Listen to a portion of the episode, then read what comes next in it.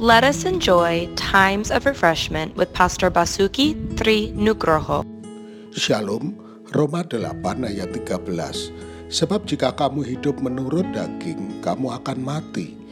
Tetapi jika oleh roh kamu mematikan perbuatan-perbuatan tubuhmu, kamu akan hidup. Alam itu keras, hidup dan mati adalah hukum medan, aliran dan rimba.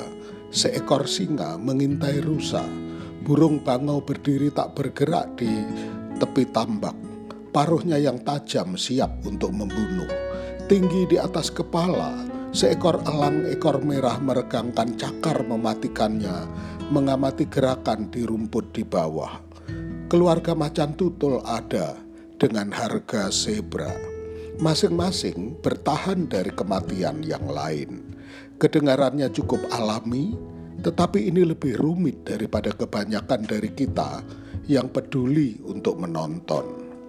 Prinsip bahwa tidak ada yang hidup kecuali sesuatu yang lain mati melampaui fenomena alam dalam perjalanan kita sehari-hari dengan Tuhan. Kepentingan daging harus tunduk pada kepentingan roh, atau kepentingan roh akan menyerah pada kepentingan daging. Di hutan, ladang, dan aliran hati kita sendiri, sesuatu harus selalu mati agar yang lain bisa hidup. Kita tidak bisa berkomitmen kepada Kristus dan dunia pada saat yang bersamaan. Kita tidak dapat dipenuhi dengan rohnya jika kita melindungi kehidupan untuk kepentingan yang egois. Itulah sebabnya Tuhan kita berkata dengan sangat tegas, bahwa kita perlu mati setiap hari untuk diri kita sendiri. Jika kita ingin berjalan bersama Dia, kita harus terus memilih apa yang harus mati agar Kristus dapat hidup dengan bebas di dalam kita.